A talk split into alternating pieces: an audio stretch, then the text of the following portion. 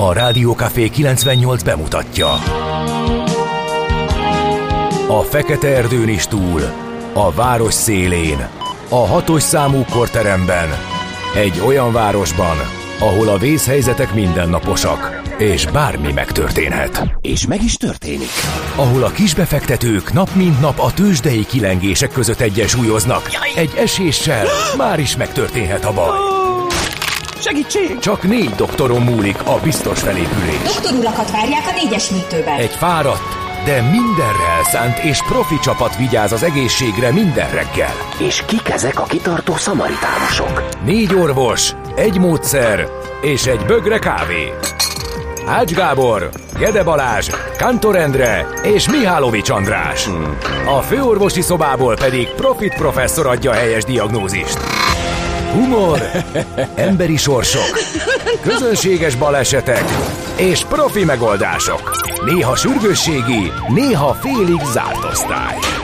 A Gazdasági Muppet Show minden hétköznap reggel. Te is figyelj! Neked is írjuk a receptet. De miért? Ha nincs pénzed azért, ha megvan, akkor pedig azért. Millás reggeli. Egy kis kanállal minden reggel, és minden rendben lesz. A Millás reggeli főtámogatója a Schiller Flotta Kft. Schiller Flotta is rendtakár. A mobilitási megoldások szakértője a Schiller Autó tagja. Autók szeretettel. A műsor támogatója a CIP Bank, az online kisvállalkozói hitelajánlat készítő felület szolgáltatója. Szép jó reggelt kívánunk, kedves hallgatók! Elindítjuk a mai millás reggelit itt a Rádió Café 98.0-án, november 14-e kedd reggel van. Hát igen, fél hét múlt 5 perce. Egy picit az ismétlés megkavarta itt az indulás, de mi itt vagyunk, és várunk titeket szeretettel Ács Gáborral. És Gede Balázsjal, aki most már teljes erőbedobással. Jó, megütött téged ez a Abszolút, és képzeld el, hogy még mindig ott, ott lapul a nem tudom hol.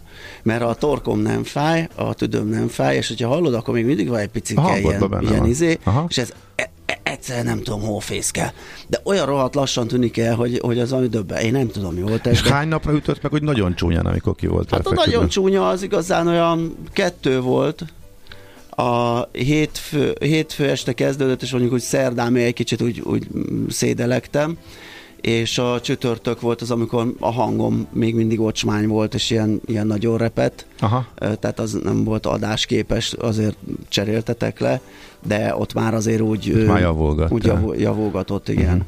És akkor hétvégén meg már úgy fizikálisan teljesen nem voltam, de a hang az, az nagyon nehezen jött vissza. Hát én nem tudom, mi cirkulál, de van ez, Fú. jó sok ismerősben. De, rengeteg. Akkor van a hányos fosós ismét, egy, Aha, egy másik Ú, cirkulációban, klassz. elég sok ismerős, mm. de nem tudom. Tehát igen, hát én csak két, két ö, ilyen partner cég munkatársaival ö, találkoztam, akik engem váltottak. Tehát vagy, á, vagy volt átfedés, le kellett uh-huh. mondanom egy, egy valamilyen munkát, és annak a szervezője is beteg lett, miközben én jeleztem, hogy bocs, beteg vagyok, nem fog menni. Mondta, hogy jó, már, mert már ő is akkor egy másik ö, cégnél is találkoztam, de úgyhogy nagyon sok. Hm. Ö, ez nagyon megy most valami, hát az idő szerintem alkalmas rá, ez a kicsit hideg, de még nem annyira. Ö, Vendégeink között is ugye vannak utolsó pillanatos lemondások. Ma is egyébként van Aha. változtatás. Jaj, múlt héten is volt. Úgyhogy, miatt igen, úgyhogy uh-huh. hát nem tudom, vigyázzatok magatokra. Nem igen, tudom, mit lehet csinálni. Hát, hát próbálunk én... mi is, de jó, de... mondjuk te, neked Maci ellen nem sok esélyed volt, de tegyük hozzá. Nem, az, igen, az ott ott nem, nem volt választás, sajnos összezáródtunk egy pillanatra, ugye, és az elég is volt rá, hogy hogy ez összejöjjön, de most már tényleg nagyon kifele, ez már nagyon a finish, úgyhogy rendben vagyok. Óvatosan, olyan, mint ami februárban szokott lenni influenza Igen. szezon környékén, plusz ebben nem lehet tudni, hogy még hol kavar be és mennyi a Covid, szóval ez miután tesztelés gyakorlatilag megszűnt, oltás már nincs, stb. stb. Úgyhogy nem tudom, marad tényleg az elővigyávatosság, óvatosság, szokásos higiéniás intézkedések hát, betartás, nem tudom, nincs Igen, és megmondom, hogy ilyen nagyon. közért, meg ilyen, ilyen zsúfolt helyeken visszakapom a maszkot Ugye én ezt már elmondtam igen, annak idején, igen, hogy igen. a Covid egyik legjobb tapasztalatás, tapasztalás, hogyha egyáltalán volt ilyen benne, akkor az az, hogy azért az a maszk az megvéd mindenféle ilyen, hmm. ilyen cseppfertőzős dolog ellen, és hogyha ekkora, ha nem Covid, de más egyéb ilyen járványszerű dolog van, akkor az arra is jó Hát én bátran kimerem jelenteni, az én esélyemet is növelte, amikor uh, mikor volt, hogy kedden, hogy be kellett, hogy jöjjél még? Ja, igen, igen, igen, igen. igen. Pedig már azért nagyon rotyon voltál, igen, és, és akkor, akkor föl, fölkaptam, hogy és... ha már muszáj, akkor legalább ne pusztítsam ki a rádiót, mondjuk, és akkor egy hét zene. És én, ed, eddig, sugárzott újsorok. Eddig meg is, meg is úsztam. Igen. Uh-huh. Nos, elmondjuk az elérhetőségünket is 0636 980 980 SMS, WhatsApp és Viber szám ez. Hú, nincsen túl sok időnk itt az elején, szerintem mielőtt elúszunk, rövidre veszük. Én itt uh, ránéztem, egy másik rádiót hallgattam, elnézést érte befele jövet, és no, ott csak. hallottam, hogy nem a zsomborokat köszöntik. Úgyhogy, ja, de várjál, én valamit rosszat is nyitottam meg. Hát alizokat köszöntik, és teljesen jól van itt nálunk szerintem. Igen, de valamiért nekem, nekem egy nem jó adásmenet volt nyitva. Akkor stimmel minden. Oké. Okay. 11-e, és szerintem a zsombor. Abszolút. A zsombor nem, Aliz. A, a zsombor nem, Aliz. Boldog, amit boldog pont, hogy nem zsombor. Jó, oké, okay, mindjárt menni fog. És ó, te drága Clementina is Igen. ünnepelhet. Plusz hubáknak, de nekik van egy rendes, hát Erzsébetből meg jó pár, ha jól tudom, tehát neki ilyen másodlakos napjuk van, meg hát ez Denkók és, és Jozafátok. És akkor majdnem mindenkit felsoroltunk, így van a 14 helyiek közül. Egy-két esemény, hát a BBC, hogy megkezdi a rádióadását 1922-ben, az kötelező, hogy elmondjuk, hiszen nem szólnánk, hogyha jó, nyilván más elindította volna, de akkor is ez egy rádiótörténeti mérföldkő. Igen.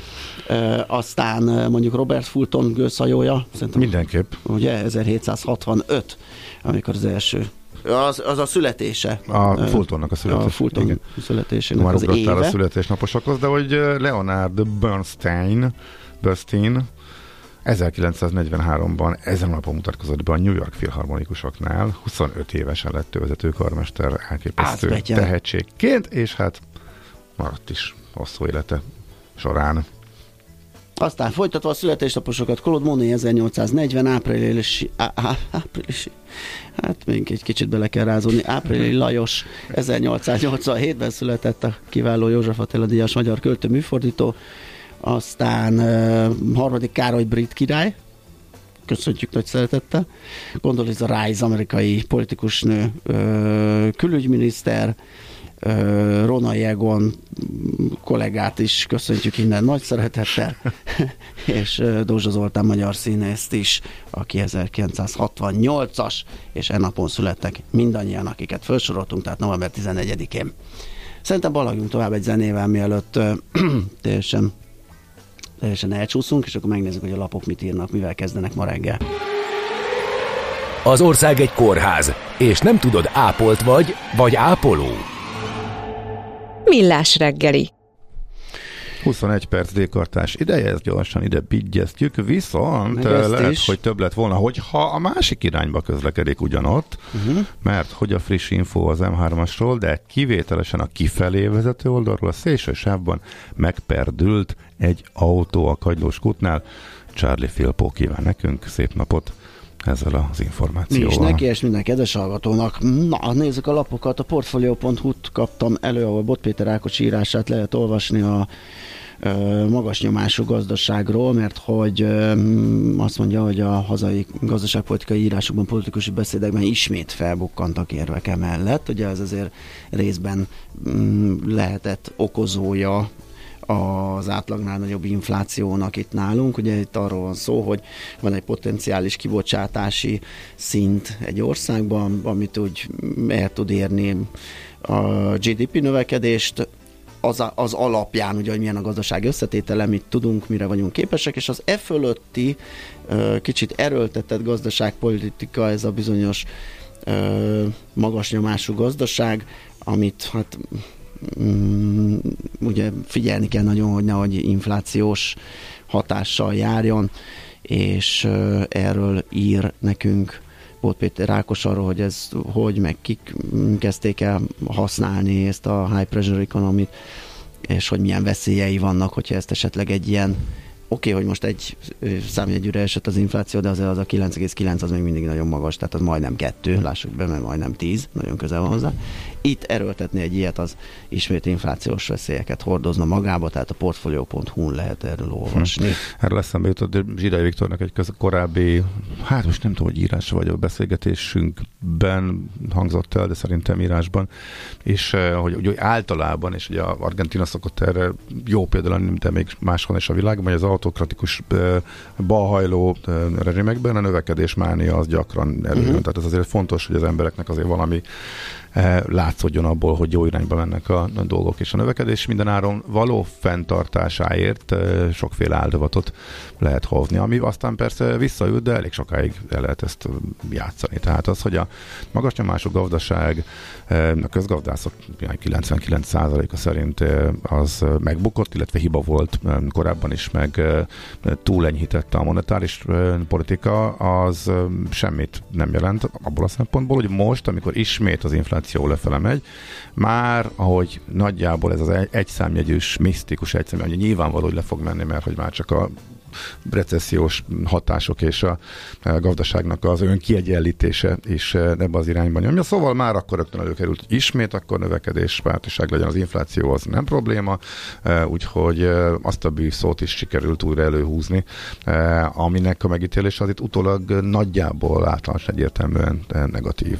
Tehát a növekedés irányába terelni az úgy tűnik, hogy továbbra is nagy téma az állami vezetésben. Na, azt mondja, honnan van a pénz, kilép a fényre Mészáros Lőrinc a TV2 cég birodalmában. G7.hu reggeli eh, vezetője eh, tranzakciós sorozat nyomán eh, Mészáros Lőrinc tulajdonosként a színre léphet, mert hogy ha az ő cégbirodalma bekebelezheti eh, a TV2 csoport, a közmédia, Hír TV és még az ATV hirdetési felületeit is értékesítő eh, céget, eh, akkor ez egy olyan folyamatot jelenthet a lap szerint, amely nagyjából letisztázza a TV2 csoport eddigi teljesen zavaros tulajdonosi viszonyait, és végsősorban itt is megjelenhet hivatalosan is tulajdonosként Mészáros Lőrinc, és akkor ennek a történetét elemzi a g7.hu friss reggeli vezetője.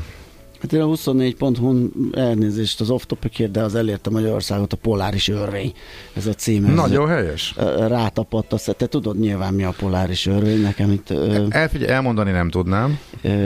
De... de a lényeg, hogy ennek a himi-humi se nem túl hideg, se nem túl meleg őszi időjárásnak az okozója. Aki kíváncsi rá a 24.hu megfejtett, én még nem tartok ott, hogy ezt szabatosan szépen el tudja mondani én se, hogy mi ez a...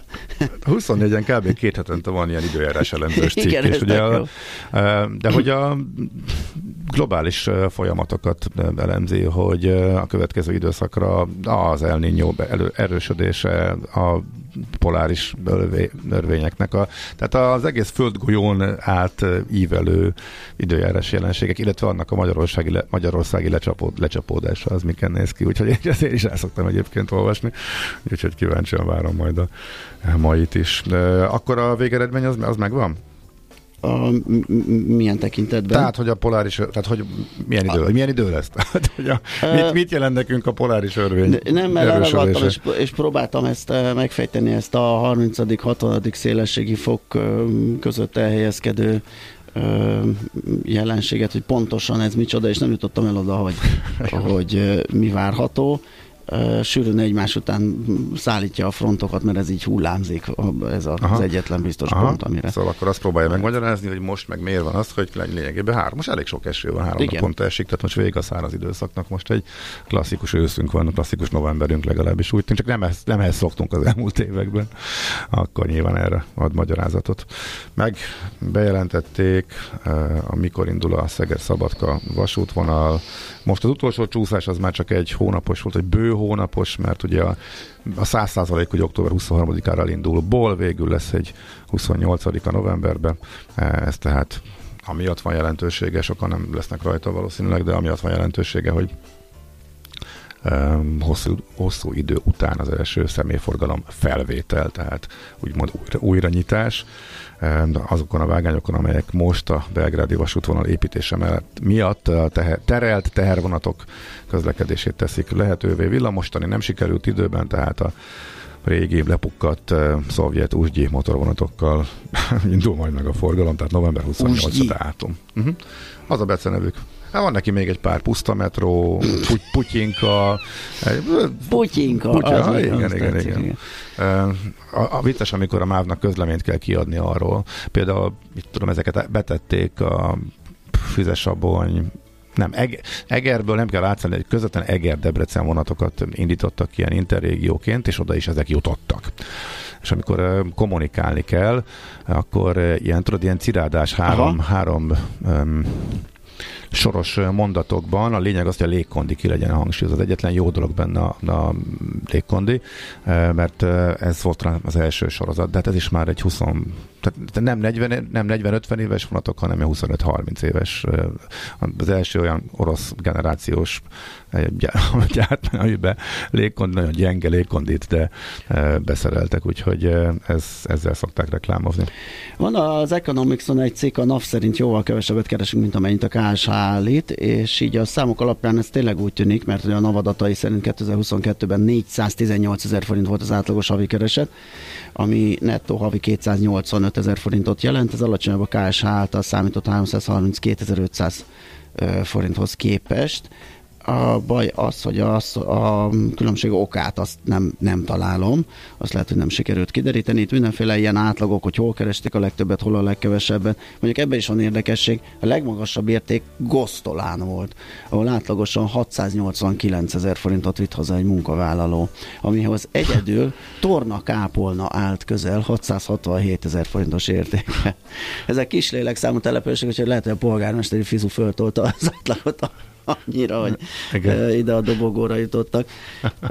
Valami ilyesmi lehet ennek az oka, szóval az economics.hu-n találtam ezt.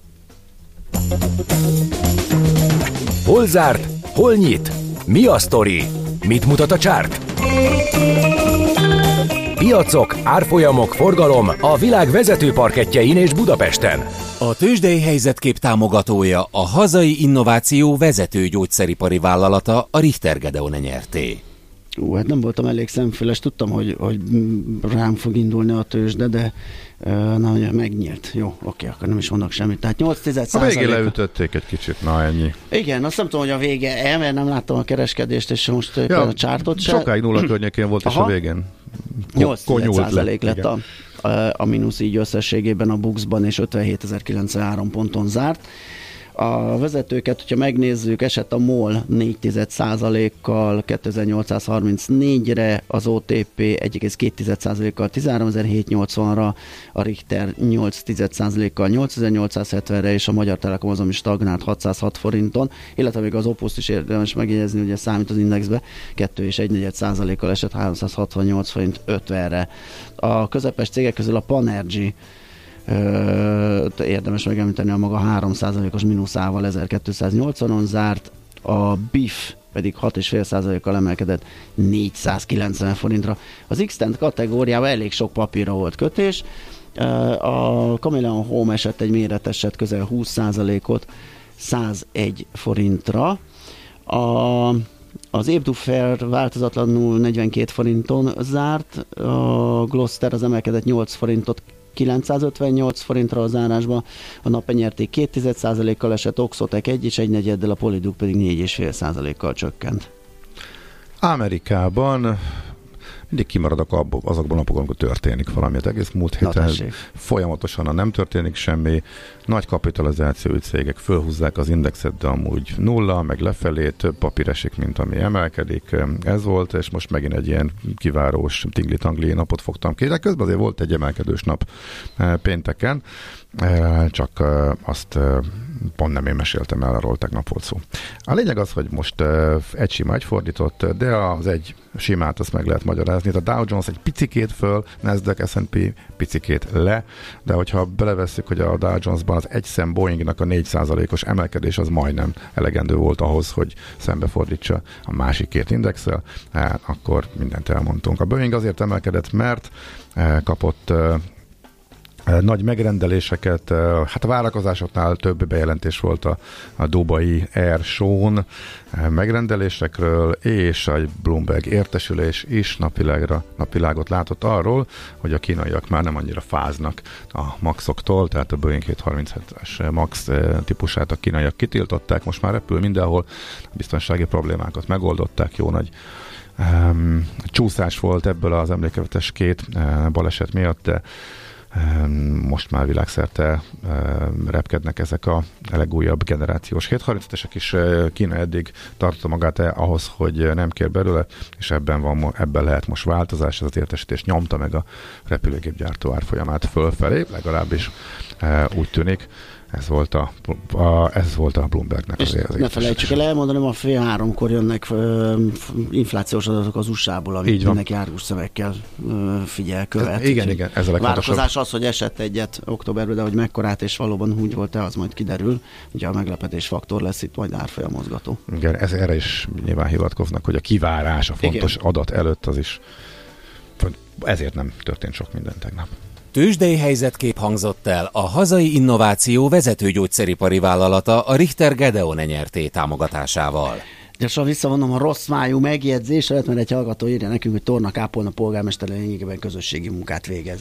Úgyhogy nem polgármester. Hát akkor Fizu tolta föl az átlagot. Mivel magyarázható van ez a Torna Kápolna adat akkor? Hát lehet, hm. hogy valami egyetlen, egyetlen cég, vagy, vagy, vagy nem, nem Na, nem ha valakinek van infója, vagy ismer furcsa, igen, hogy környéken a helyzetet, akkor várjuk a megfejtést is hogy hova az a 0636 980 980 SMS WhatsApp Viber szám, ez most mit Andinak adjuk át a terepet, hogy híreket mondjon nektek, utána pedig visszajövünk és folytatjuk a millás reggelit. A mai világban könnyen félrevezetnek a csoda doktorok és a hihetetlen megoldások. Az eredmény?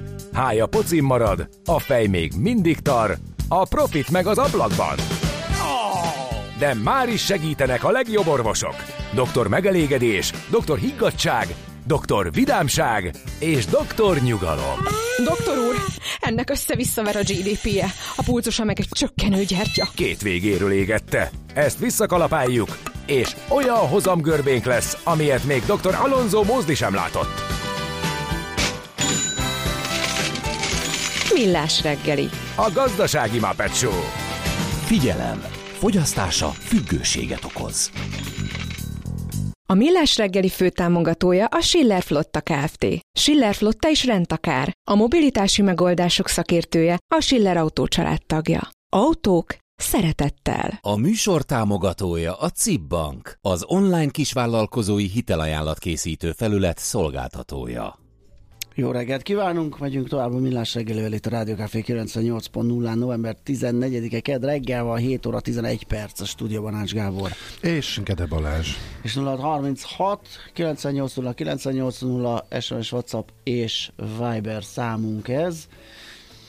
Azt mondja, hogy eh, jönnek továbbra is a torna kápolnai infók, 18 fő bejelentett lakosan, ebből kettővel sikerült találkozni a kedves hallgatónak, na ők tuti nem felfelé vitték az átlagot, szóval marad még 16. Uh, amúgy az egyik legszebb gömör tornai uh, karston fekvő település egy nagyon érdekes református templommal, kazettás mennyezettel. Köszönjük az infót, egy egyik legszebb, Szerintem egyik legszebb vidék az országban érdemes mindenképpen arra kirándulni. Azt mondja, hogy az eső nem sokára eláll, most úgy tűnik az utolsókat rúgja fél óra, egy órán belül, most még esik, e, utána már csak ilyen szaggatott kis e, pöttyöket látok a radaron, úgyhogy erre lehet készülni, egy jó hírünk van most még így reggelre.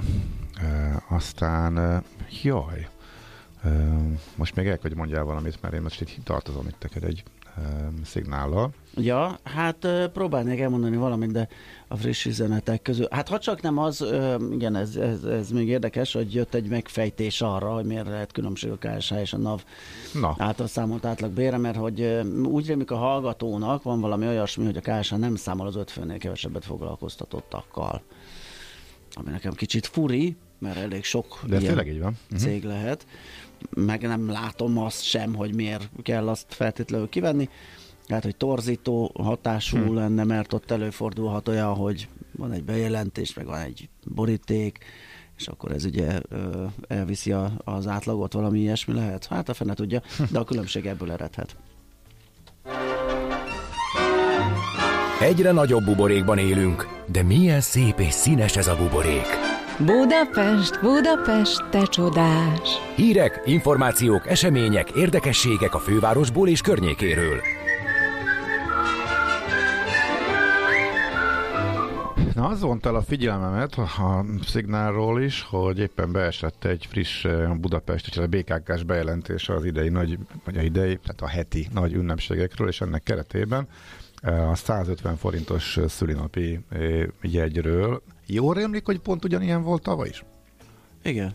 És tavaly is 150-es volt, 150 ugye? volt, igen, én használtam is. Jó, én is kipróbáltam. Rá is csodálkoztak a kallerek, amikor nézték igen, és igen. ellenőrizték, hogy ú, uh, maga az első, és volt ilyen, nem, azt hiszem hazafele mentem már fél tizenegykor, tehát nem befele jövet.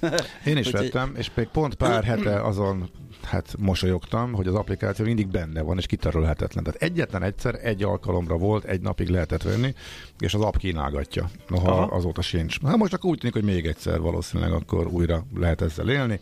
Tehát Budapest 150 születésnapja, ami egészen konkrétan november 17-én lesz, tehát ezen a héten csütörtökön, akkor ismét lesz 150 forintos napja, egy egész nap lehet vele utazgatni a tömegközlekedési eszközökön, és emellett persze indul a buli hétvége, rengeteg program lesz a városba, majd ezeknek a részleire eh, következő napokban biztos eh, kitérünk, eh, de a lényeg az, hogy a Városháza udvarán is sok minden történik. Majd én a Bulli villamost emelném ki, amelyen a 49-es villamoson DJ szettek hallgatása közepette lehet majd utazgatni, és még mondom, még sok, e, sok egyéb program van.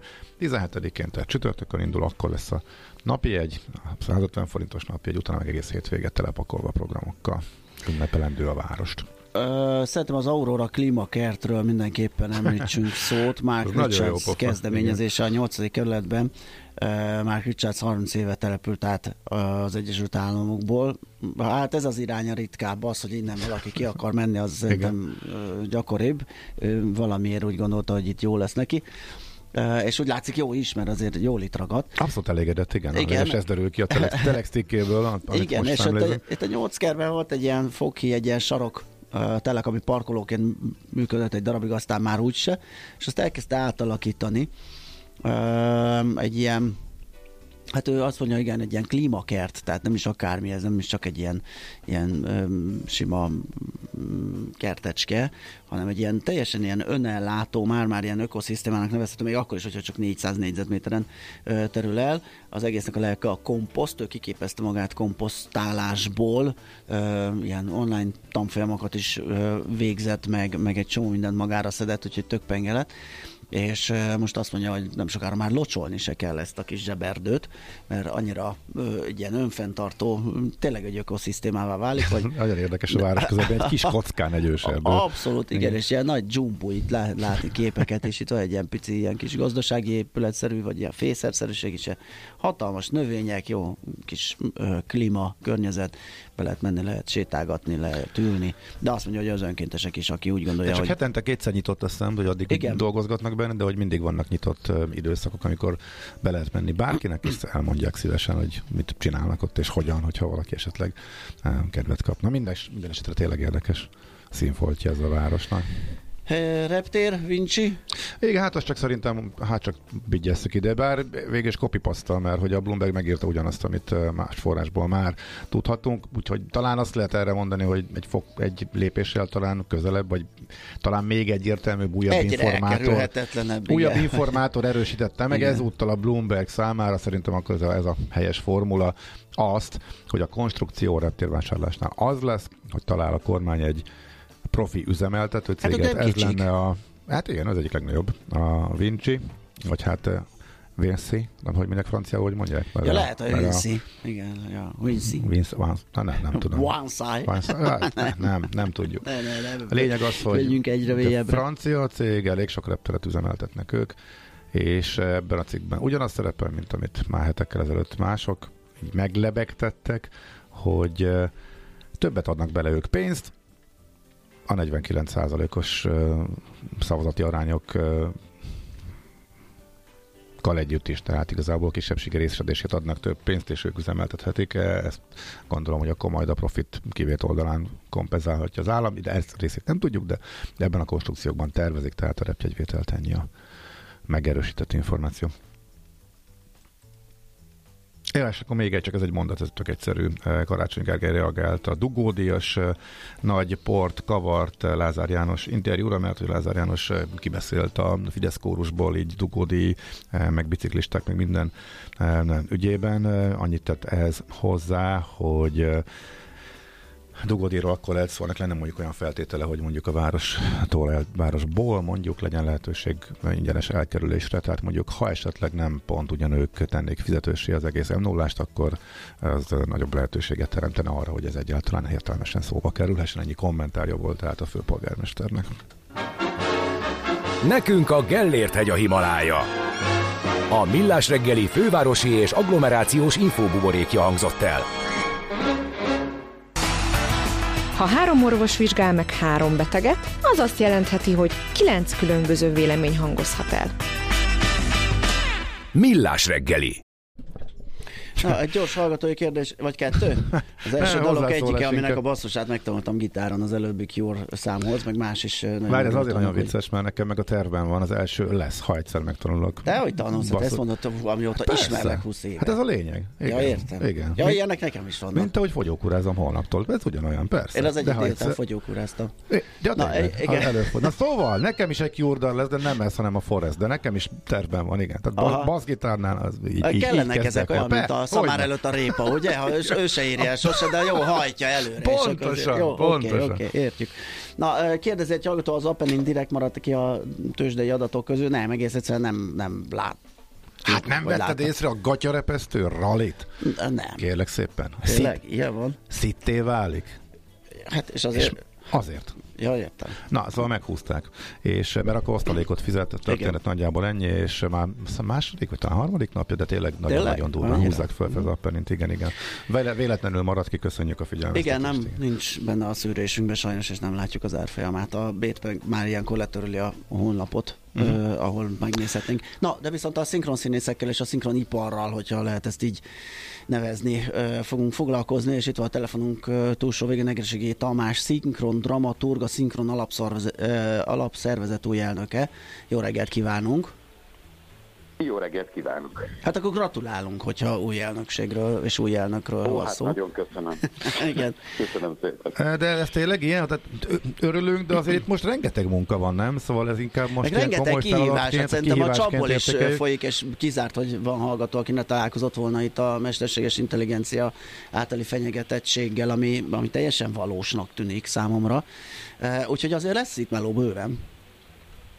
Igen, igen. Tehát egyrészt örülünk, mindannyian az új elnökségnek a tagjai, másrészt meg pontosan tudjuk, hogy egy nagyon turbulens időszakban és egy nagyon hogy mondjam, a nyilvánosságban is nagy érdeklődésre számot tevő, vagy számot tartó időszakban veszük át a, a, a szakma képviseletét, úgyhogy, úgyhogy ezért mondtam, hogy ó, hát köszönöm, köszönöm, és most már igyekszünk inkább a jövőbe tekinteni és a feladatokkal foglalkozni, mert, mert abból tényleg van bőven. Mm.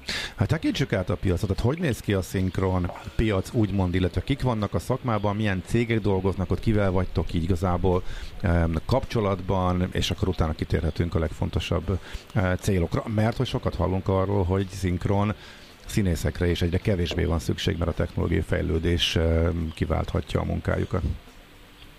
Hát ez szerencsére még nem tart itt ez a folyamat, de erről úgy is fogunk beszélni, és uh-huh. visszatérünk rá. Természetesen valódi veszély és valódi lehetőség, de egyelőre nagyon az elején vagyunk, ezért fontos, hogy most, most fogjuk meg jogilag és morálisan és erkölcsileg és elviekben és mindenhogyan. Maga az ipar úgy épül fel, vagy ez a, ez a szakma, hogy különböző stúdiók vannak Magyarországon, ezek a forgalmazókkal és megrendelőkkel dolgoznak együtt, és a stúdiók alkalmazzák azokat, akiknek utána a hangjukat halljuk mindenféle filmekben, sorozatokban, tévéműsorokban, a stúdiók alkalmazzák a, a fordítókat, a szinkronrendezőket, a hangmérnököket, a hangvágókat, és mindenki más természetesen, aki ahhoz kell, hogy létrejöjjenek ezek a produkciók, gyártásvezetők és produkciós vezetők. Uh-huh. Na most mi munkavállalóként ugye az egyes stúdiókkal vagyunk kapcsolatban, a stúdiók pedig megrendeléseket kapnak, olyan nagy cégektől és platformoktól, mint akár a streaming platformok, mint mondjuk a moziforgalmazók, mint a tévécsatornák. Tehát itt van egy olyan láncolat, hogy mi nem is közvetlenül a, a a, a, a, a tartalom megalkotóival uh-huh. és mhm. forgalmazóival vagyunk kapcsolatban, hanem van egy ilyen köztes állapot, ugye a stúdiók, akiknek műtermeik vannak, akiknek infrastruktúrájuk van, és akik eldönthetik, hogy éppen melyik produkcióban kikkel szeretnének együtt dolgozni. Uh-huh. Köztük nagy, nagy a verseny egyébként? Ez teljesen versenypiac? Ez hogy néz ki Magyarországon? A, teljes mértékben, teljes mértékben, igen. Tehát, hogyha körülnézünk, 10 fölötti szinkron stúdió van jelenleg Magyarországon, ami aktívan dolgozik. Ezek közül természetesen vannak nagyobbak, vannak régebbiek, nagyobb múltúak, és vannak újabbak és kisebbek is.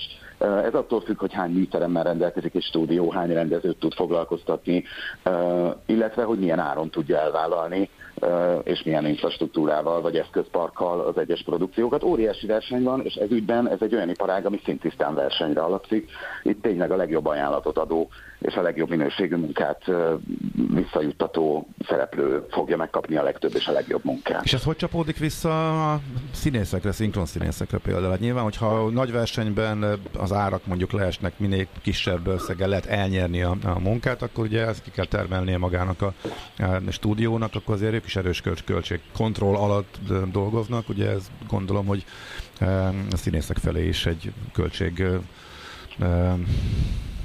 nem so, sokkot jelent, de nyomás mindenképpen. Igen, mhm. egy munkadíjcsökkenés lehet. Igen, van erről szó, és ez folyamatosan kúrens téma gyakorlatilag. Tehát, hogy a, a, a színészekről azt, ezt úgy kell elképzelni, hogy szinte mindenki szinte mindenhová jár. Tehát olyan nem létezik, hogy valaki kizárólagosan egy stúdiónak a szinkron színésze, Aha. vagy hogy uh, akár mondjuk csak két-három stúdióba jár. Tehát uh, annyi a tartalom, annyi a lefordítani és szinkronizálni való tartalom, hogy természetesen minden stúdió reggeltől estig folyamatosan pörög. És én is például a mai nap folyamán két különböző stúdiónak, két különböző műtermébe fogok menni. Tehát ez abszolút bevegy gyakorlat, hogy a, az ember, hogyha szinkron színészként vagy szinkron színészként is dolgozik, akkor mindenhova jár. Na most az már, hogy egyébként itt a munkadíj és a bérezés, ugye úgynevezett tekercsdíj, tehát hogy tekercsekre van osztva egy, egy produkció, ez olyan, mint egy percdíj lenne, egy egységnyi film, vagy tartalom, vagy sorozat, vagy narráció, az ér valamennyi forintot. Na most ez kismértékben eltérő lehet a stúdiók között. Itt van az, amit kérdeztek, igen, hogy, hogy melyik stúdió mit tud megengedni magának, illetve milyen, milyen áron vállalja az adott munkákat. Ez ügyben vannak apró eltérések, azért az van, hogy természetesen a színészekkel sem lehet akármit megcsinálni, tehát természetesen van egy, van egy minimum, amit most már ez egy ilyen le nem írott szabály, hogy, hogy mi az a mi az a tekesdíj, ami alatt nem illik kihívni valakit, de igen, van némi eltérés, az meg, az meg már az adott színésznek az egyéni tárgyalási technikájának a kérdése, hogy egyébként mennyit tud elkérni, ha ő esetleg többért dolgozna, akkor természetesen dönthet úgy, hogy az adott stúdióval nem dolgozik a továbbiakban.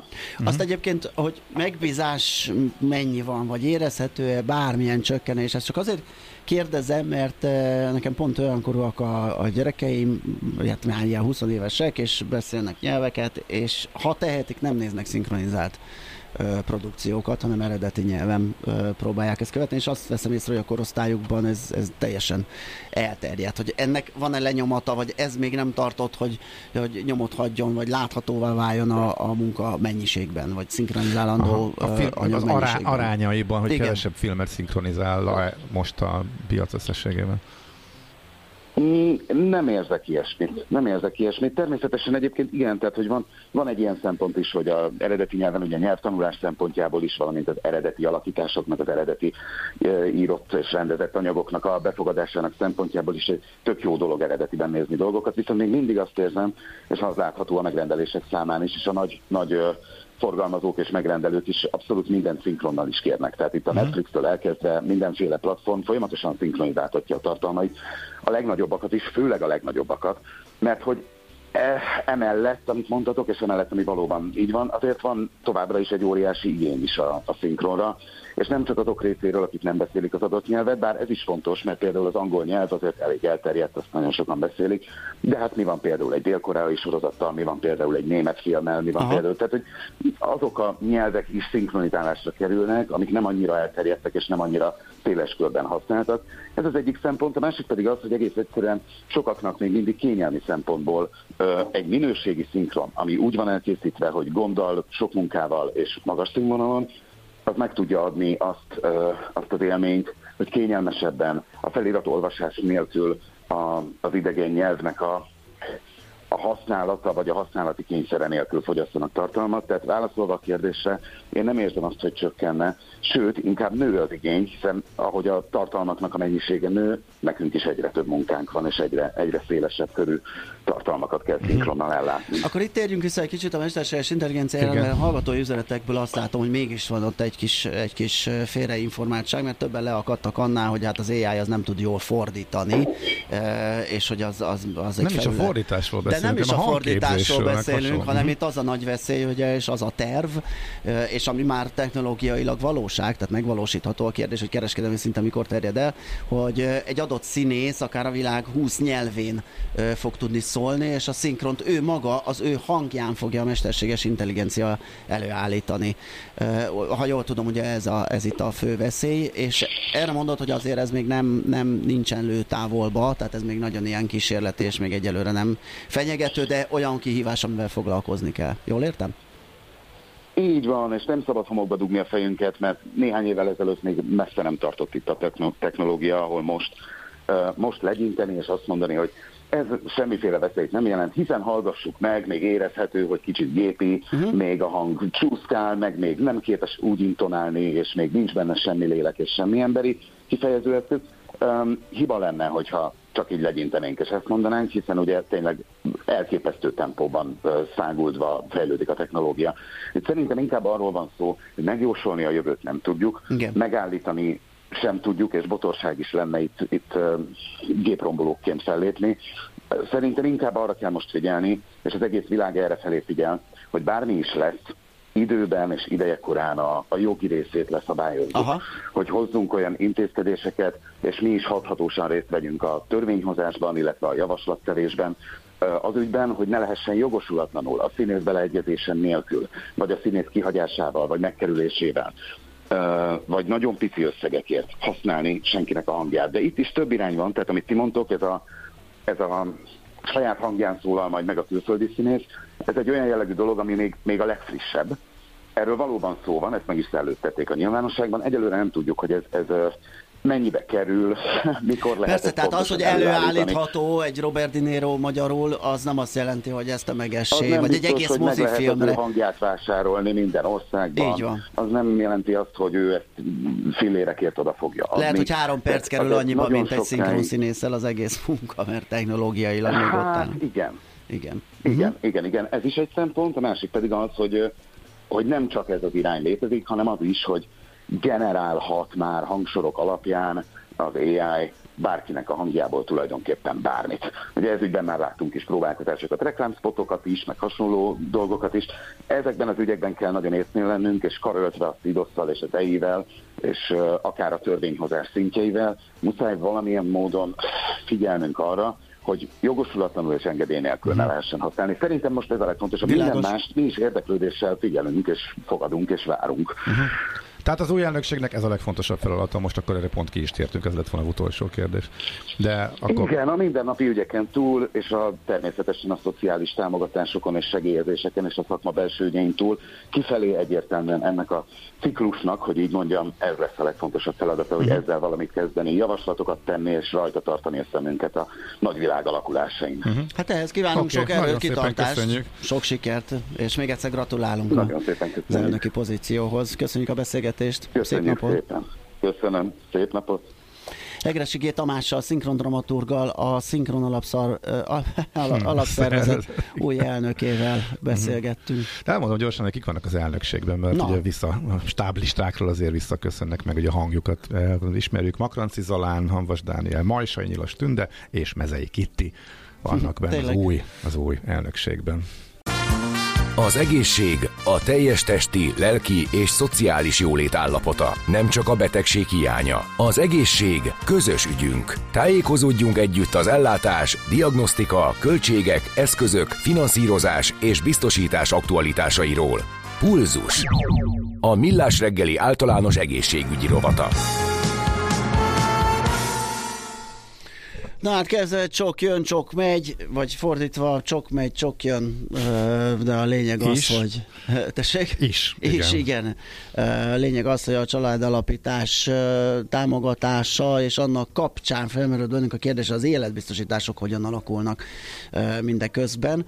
Úgyhogy fel is tárcsáztuk Tóth Balást, az Allianz Hungária az ért értékesítési hálózatért felelős vezetőjét, hogy megnézzük, hogy ilyenkor nő, csökken, nem történik semmi az életbiztosítások, ami a helyzet. Jó reggelt kívánunk, szervusz! Jó reggelt kívánok, szervusztok, sok szeretettel köszöntöm a hallgatókat is. Kicsit induljunk távolabbról, hogy állunk most mi magyarok az életbiztosítással, kötünk-e, ha kötünk miért, kockázatit, vagy azt szeretjük, hogyha azért viszont látunk valamit a befizetett díjból, tehát ilyen befektetéshez kötötteket. Mi a menő most, egyáltalán mennyire jellemző, hogy biztosítjuk magunkat?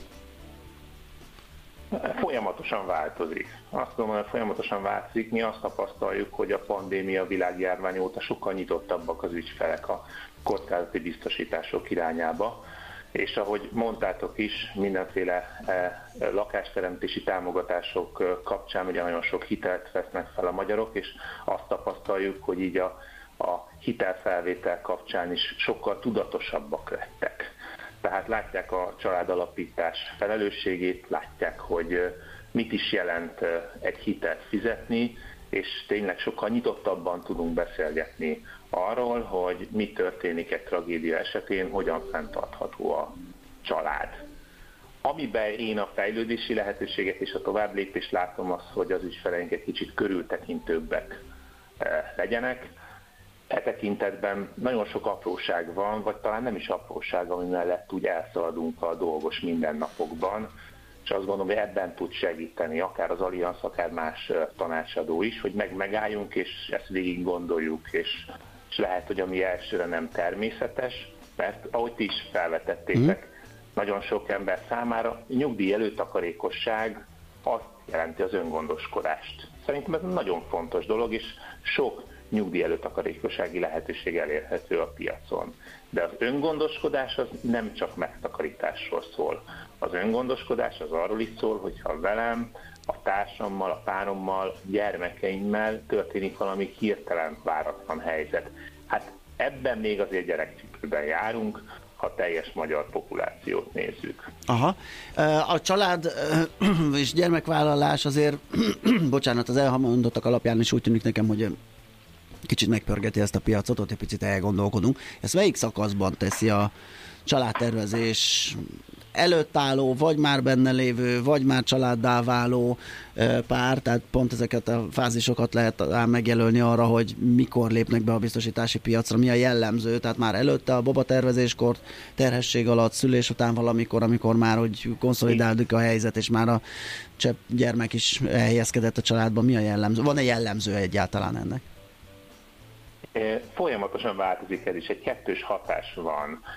Ahogy a biztosítási kultúra fejlődik, mi is tapasztaljuk évről évre, hogy egyre fiatalabb korban kötnek az ügyfelek kockázat életbiztosítást.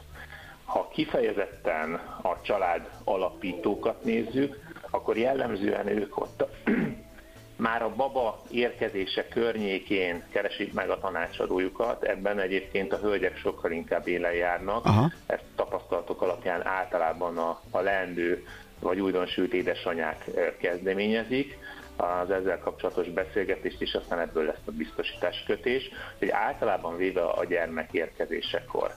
Kivéve, ha ezt ugye hitel előzi meg, Aha. mert akkor a hitelfelvétel az a pont, ahol, ahol már látjuk, hogy tényleg tudatosan döntenek. De itt is nagyon érdekes, apró, apróságok mellett elmegy az ember. Ugye nagyon sok családtámogatási hitelkonstrukciónál ugye előre lehet gyermeket vállalni. De arról a banki ügyintézés viszonylag keveset beszél, hogyha valamelyik szülővel tragédia történik, hát akkor abból következik, hogy az a bevállalt gyermek, az, vélhetően már nem fog megszületni. Ez esetben ezek a támogatások szinte személyi kölcsönnél alakulnak át. A kamata megtöbbszöröződik. Tehát nem csupán egy valakinek kell azt visszafizetnie, azt a, azt a hitelt, uh-huh. hanem egy jóval magasabb hitelkamattal, és én ne felejtsük el, hogy itt 20-30 éves hiteltörlesztési időszakról beszélünk. Ugye azt említetted, hogy a nők kezdeményezik azt, hogy, hogy valami történjen, és kezdik az infót begyűjteni, de az mennyire jellemző, hogy a nő vagy a férfi, vagy esetleg mindkettő, vagy inkább jövedelem függő, hogy a magasabb jövedelmű a pár közül csak a magasabb jövedelmű köt biztosítást, ez, ez, erre van-e valami statisztika? Van tapasztalatunk. Erre gondoltam, hogy tudatosak az ügyfelek, de lehetnének körültekintőbbek. Aha. Ez egy tipikus csapdahelyzet. Ez egy tipikus csapdahelyzet. Ne felejtsük el, hát ő szokták mondani, hogy a házastársnál van egy komolyabb kapcsolat, az az adóstárs. Tehát, hogyha fölveszünk egy hitelt, és mind a ketten törlesztjük, hogy innentől kezdve mind a kettőnket biztosítani szükséges. Nem csak a hitel szempontjából. Lehet, hogy most az édesanyja egy, kettő, három évig otthon van, vagy ha egymástán jönnek a gyermekek, akkor mondjuk hat évig. És mi lesz hat év után? Még a, még a hitelt 25 évig törlesztjük. Tehát ez a tipikus csapdahelyzet, és ez hiteltől függetlenül Magyarországon, hogy általában véve a jobban kereső családtagra, az ömében álltam ezek az édesapák, rákötünk biztosításra. Édesanyáról megfeledkezünk, pedig pont maga az édesanyja legtöbbször a kezdeményező, hogy szeretné biztonságban tudni ilyen szempontból is a családját.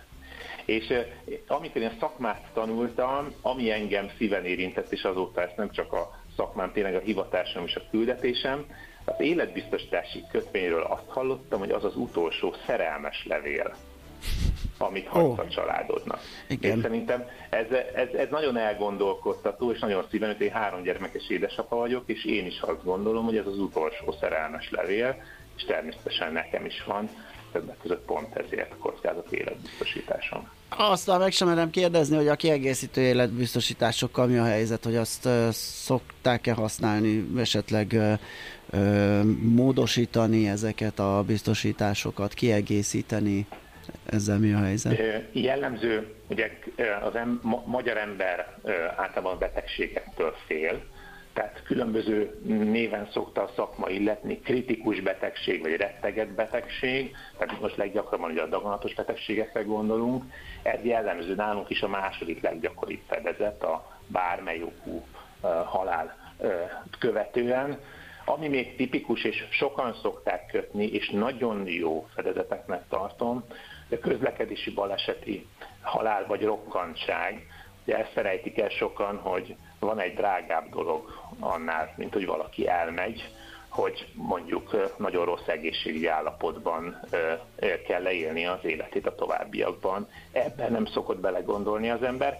Ez tipikus esete ugye ilyen komolyabb közlekedési baleset, ahol adott esetben átmeneti vagy teljes rokkantság, végtagvesztés, és ennek a, a fájdalmán, lelki terhén túl rendkívül sok anyagi megterhelést jelent, vélhetően a fizetésed ugyanúgy kiesik. Tehát ebben, ebben azt gondolom, hogy, hogy látják az ügyfelek, kötik is.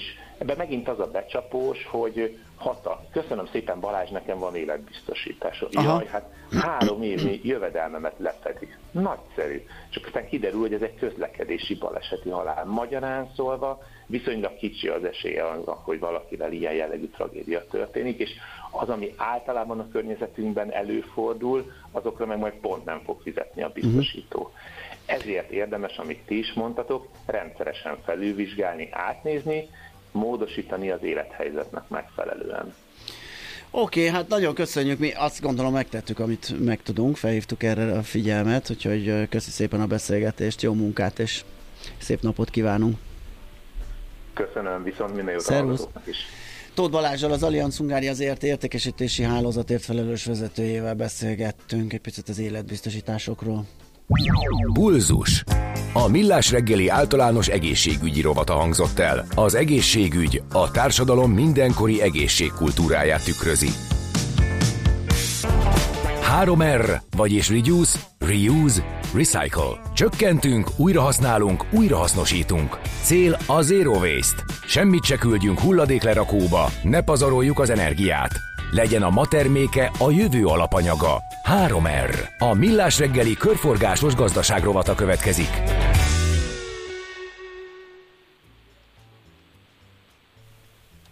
Hát melyik cég passzolhat le jobban ide a rovatunkba, mint az Alteo, aki megújuló energiával és hulladékgazdálkodással is foglalkozik.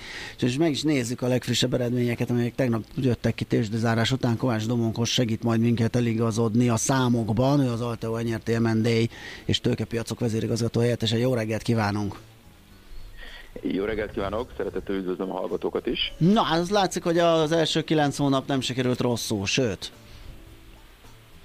Igen, egy újabb, nagyon jó időszakon vagyunk túl, és igazából amit még kiemelnék, hogy mindezt olyan körülmények közepette, amelyek a mi szempontukból nem nevezhetők azért talán annyira kedvezőnek, mint a tavalyi év, hiszen ugye az idei év azért inkább azzal jellemezhető, hogy esnek az energiárak, ami nyilvánvalóan hatással van a mi eredményességünkre. És Igen, bocsánat, ilyen... ezt néztem én is, hogy nehéz össze, mihez viszonyítsunk, mert ugye Igen. volt, volt egy-két negyed év, amikor egészen extrém profitok meg bevételek voltak, de akkor voltak nagyon-nagyon durván elszállt energiák, és ahhoz képest van egy csökkenés, de amúgy meg látványos markáns növekedés van, ha ezeket levesszük, de hogy, hogyan lehet ezeket összehasonlítani, mihez viszonyítsunk?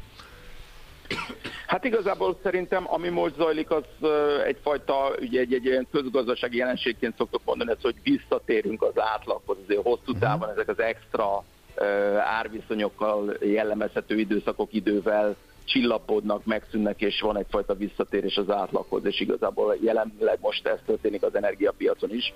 Nagyon nehéz megjósolni, az persze, és ilyenekben nem is bocsátkoznék, hogy ez most mennyire lesz fenntartható, mennyi ideig lesz itt. Minden esetre azt látjuk, hogy azért egy alacsonyabb árkörnyezetben kell nekünk hozni valamilyen hasonló eredményességet, mint ami eddig, ami egy nagyon komoly kihívás lesz a jövőt illetően. Ezekre a kihívásokra leginkább azzal tudunk választ adni, hogyha folytatjuk a legalábbis ez a mi véleményünk, hogyha folytatjuk azt a befektetési politikát, amit eddig is, tehát befektetünk azokba a tevékenységekbe, a területekbe, amelyekben a legnagyobb növekedést várjuk itt az elkövetkezendő időszakban. Na, melyik ez ezek? a mi esetünkben mhm. jellemző.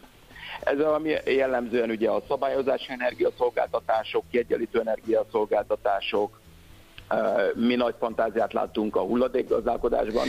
Igen, ezért is örültünk, hogy ilyen, ilyen láttuk, láttuk a számokban, hogy ez a szegmens is jól működik, mert uh, amióta a Mohu megjelent, igazán elégedetteket ebben az üzletágban még nem tudtunk megszólaltatni, és úgy tűnik az Alteo az köszönni jól van ebben az együttműködésben. Igen, azt gondolom, hogy itt is ugye a hulladék gazdálkodásnak abba a szegmensébe sikerült belmennünk, ami, ami, a, amiben komoly növekedési lehetőségek vannak. Ugye Uh, tavaly vásároltuk meg, bocsánat, 2022-ben vásároltuk meg a, a Fegroup ZRT-t, ami elsősorban a szervetlen hulladékok hasznosítása terén tevékenykedik, és itt is igazából nem pusztán hulladék kereskedelemmel, tehát a hulladék beszerzésével és továbbértékesítésével foglalkozik, hanem ugye fel is dolgoz hulladékokat, és ebben látjuk az igazi értékét ennek a dolognak, hogy valami újat tud létrehozni a hulladékból, és hát ezt tudja tenni egy kedvezőbb fedezeti viszonyok mellett, pláne ugye egy nagy eredménye volt, hogy sikerült egy 2 plusz 2 éves megállapodást is kötni az új koncesszorról, a MOHU ZRT-vel, ami, ami hát kezd mutatkozni a számokban, és ugye még tavaly évben ez még azért egy veszteséges üzletág volt, idén az első negyedéves koncepciós periódusában már egy nagyon komoly pozitív eredményt tudott felmutatni, ennek köszönhetően az év első három évében összességében pozitív eredményességgel tudta uh-huh. zárni ezt az időszakot. A megújuló termelés menedzsment üzletág, abban mi van pontosan? Mert ez nemrég indult talán két-három éve, és már most elég vaskos eredmény van benne, elég szép ugrás produkál. Igen, ez, ez a, ez a termelésmenedzsment üzletág, ez tulajdonképpen a harmadik felek tulajdonában lévő, meg hát természetesen a saját tulajdonban lévő is megújuló erőművek, ugye Magyarországon elsősorban ez azért a napot jelenti, nek nyújt ilyen termelés optimalizációs, szolgáltatásokat. Ennek az egyik lényegi eleme, hogy tulajdonképpen kiegyenlítő energiát biztosít nekik abban az esetben, hogyha, hogyha épp nem süt a nap, vagy mondjuk a szelek esetében nem fúj a szél. Hát ez egy ilyen nagyon komoly optimalizációs játék, amit egy számítógépes háttérrel végzünk ezeknek a cégeknek, nyilván nagyon figyelve a meteorológiai viszonyokra és ez egy komoly érték nekik, mert akiknek önmagában csak mondjuk naperőműve van, ugye az nem tud gondoskodni arról, hogy kiegyenlítő energiát biztosítsa azokat a helyzeteket, amikor ő mondjuk leadott egy termelés előrejelzést a, a Mavirnak, viszont nem tudja hozni a termelését, mert épp nem süt a nap, hát ilyenkor neki büntetéseket kéne fizetnie, pótdiakat kéne fizetnie, uh-huh. és mi egy flat díj ellenében ugye ez alól mentesítjük őt, ebben segítünk neki, hogy ilyen helyzetekben akkor mi, mi kisegítjük őt egy kis árammal mondjuk. Uh-huh. És akkor a továbbiakban is ez lehet a legnagyobb növekedés ebben az üzletágban? Oké, okay, nyilván itt még viszonylag kicsi a bázis, illetve melyik most ugye a fő vezető zászlós? Igen, hát e, e, ezen, ezen a területen mi nagyon sikeresek voltunk, mert a magyar ö, ipari napenergia piacnak egy nagyon jelentős hányadának mi végezzük ezt a termelésmenedzsment szolgáltatást. De azért úgy összességben, tehát nekünk egy elég diversifikált tevékenységünk van. Én azt gondolom, hogy mi az energia szolgáltatások más ágazatában is benne vagyunk. Ugye tartalékkapacitás nyújtási szolgáltatások, az is a szabályozás energetika, üzletákhoz kapcsolódó tevékenység. Én azt gondolom, hogy ez a jövőben is egy rendkívül vonzó e, és fontos üzletág lesz, pláne ahogy ugye egyre inkább e, bővülnek a megújuló kapacitások Magyarországon, tehát ezt még mindenképpen kiemelném. Úgy általában a Mavirnak, vagy a magyar rendszer irányításnak, vagy a magyar villamosenergia rendszer egészének egyre nagyobb szüksége van a kiegyenlítő energiaszolgáltatásokra, ami nem csak ez a megújuló erőműveknek nyújtott termelésmenedzsmentet takarja, tehát ezen a téren is, is komoly növekedést várunk. Ugye épp a múlt héten kijöttek az új energiatárolási kapacitások kiépítésére vonatkozó tenderek, ez egy nagyon izgalmas terület, mi ezzel nagyon ott akarunk lenni. Úgyhogy én azt gondolom, hogy összességében szinte minden üzletágunkban nagyon komoly növekedési lehetőségek vannak, és azt igyekezzünk ugye minél a lehető legjobban kihasználni. Mit várhatunk az év hátralevő részében? Ugye elég érdekes a helyzet, mert most ez az első három negyed év, ez egyelőre veri az azonos időszaki tavalyit, viszont tavaly volt egy ilyen, egy ilyen árbevételi boom Q4-be, ami, amit nyilván most nem lehet megközelíteni, se nem, hogy megugrani. Tehát mit, mire számíthatnak a befektetők, hogy hogyan alakul az év a tervezethez képest, meg a tavalyi évhez képest egyáltalán, mik a kilátások? Én azt gondolom, hogy a, ugye hát mi nem nagyon szoktunk jóslatokat Hát csak a menedzsment várakozásokhoz képest nyilván vannak tervek. Én azt gondolom, hogy, hogy mind a tavaly, mind az idei év egy, egy extra magas profitabilitással társult, és hogyha abból indulunk ki, hogy egyfajta visszatérés van a normalitáshoz, ugye amit már most látunk, tehát ugye a három éves adatok, tehát maradjunk inkább a, a, tények elemzésénél, az, látszik, hogy azon üzletágaink, amelyek nagyon kitettek annak, hogy hogyan alakulnak az energiaárak, azokon azért érződik, hogy ott ott egyfajta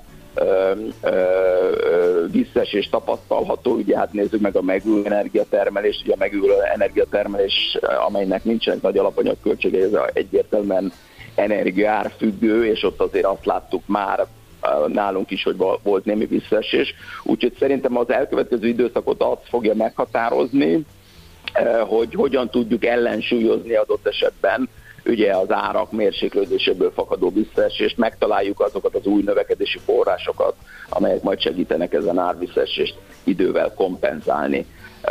Én azt gondolom, hogy, hogy egy, egy szuper jó időszak után, tehát az elmúlt két évünk fantasztikus volt, fantasztikus növekedést értünk el, egyfajta normalizálódás, ez egy teljesen természetes és, uh-huh. és elfogadható dolog. Hál' Istennek a tulajdonosaink erőteljesen támogatják a meglévő stratégiánkat, és, és hát ebben bízva, erre építve én azt gondolom, hogy a, a növekedési lehetőségek igencsak számottevők ebben a szektorban továbbra is. Oké, okay. köszönjük szépen, figyeljük, majd követjük a céget, sőt beszélgetni is fogunk még az év hátralévő részében különböző dolgokról. Köszönjük még egyszer, és szép napot kívánunk. Én köszönöm. Köszönöm, viszont nektek is, és a hallgatóknak is. Szervusz! Kovács Domonkossal, az Alteo nyerté M&A és tőkepiacok vezérigazgató beszélgettünk a legfrissebb három éves számokról. A körforgásos gazdaság több, mint újrahasznosítás. Egy értékláncon és iparágokon átívelő gazdasági modell, melyben nincsenek hulladékok. 3R. A Millás reggeli körforgásos gazdaság rovata hangzott el.